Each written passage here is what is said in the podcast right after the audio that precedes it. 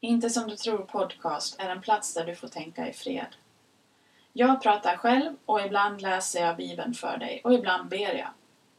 Ibland samtalar jag med människor som jag tycker är intressanta av olika anledningar. Ta tiden att fundera på vad jag har sagt och på vad andra har sagt, men känn dig fri att pusta ut en stund och lyssna. Om du håller på med något samtidigt så hoppas jag att dessa episoder av Inte som du tror podcast kan inspirera dig. Välkommen till Inte som du tror podcast. En plats där du får tänka i fred. Programledare för podcasten är jag, Anna Stenqvist, författare, skribent och pastor som just nu är mammaledig på veckodagarna, men som spelar in podcasten på söndagar. Episod 1 Varför behöver vi en läkare?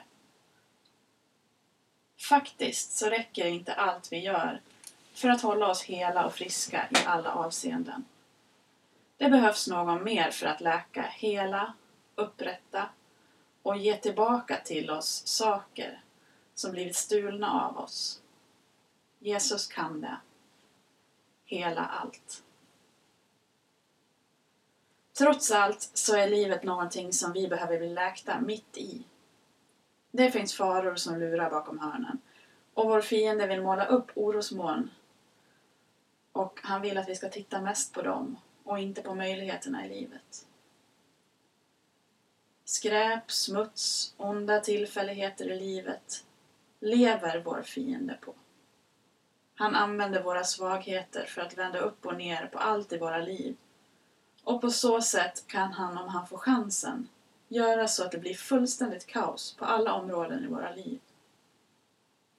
Läkaren Jesus vill återställa allt till ordning och frid igen och skicka allt mörker dit det hör hemma. Detta är orsaken till varför vi behöver en läkare.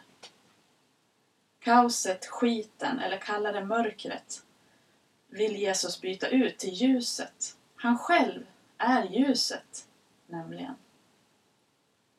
I Matteus evangeliet kapitel 9 vers 12 låter det så här. Det är inte de friska som behöver läkare, utan de sjuka.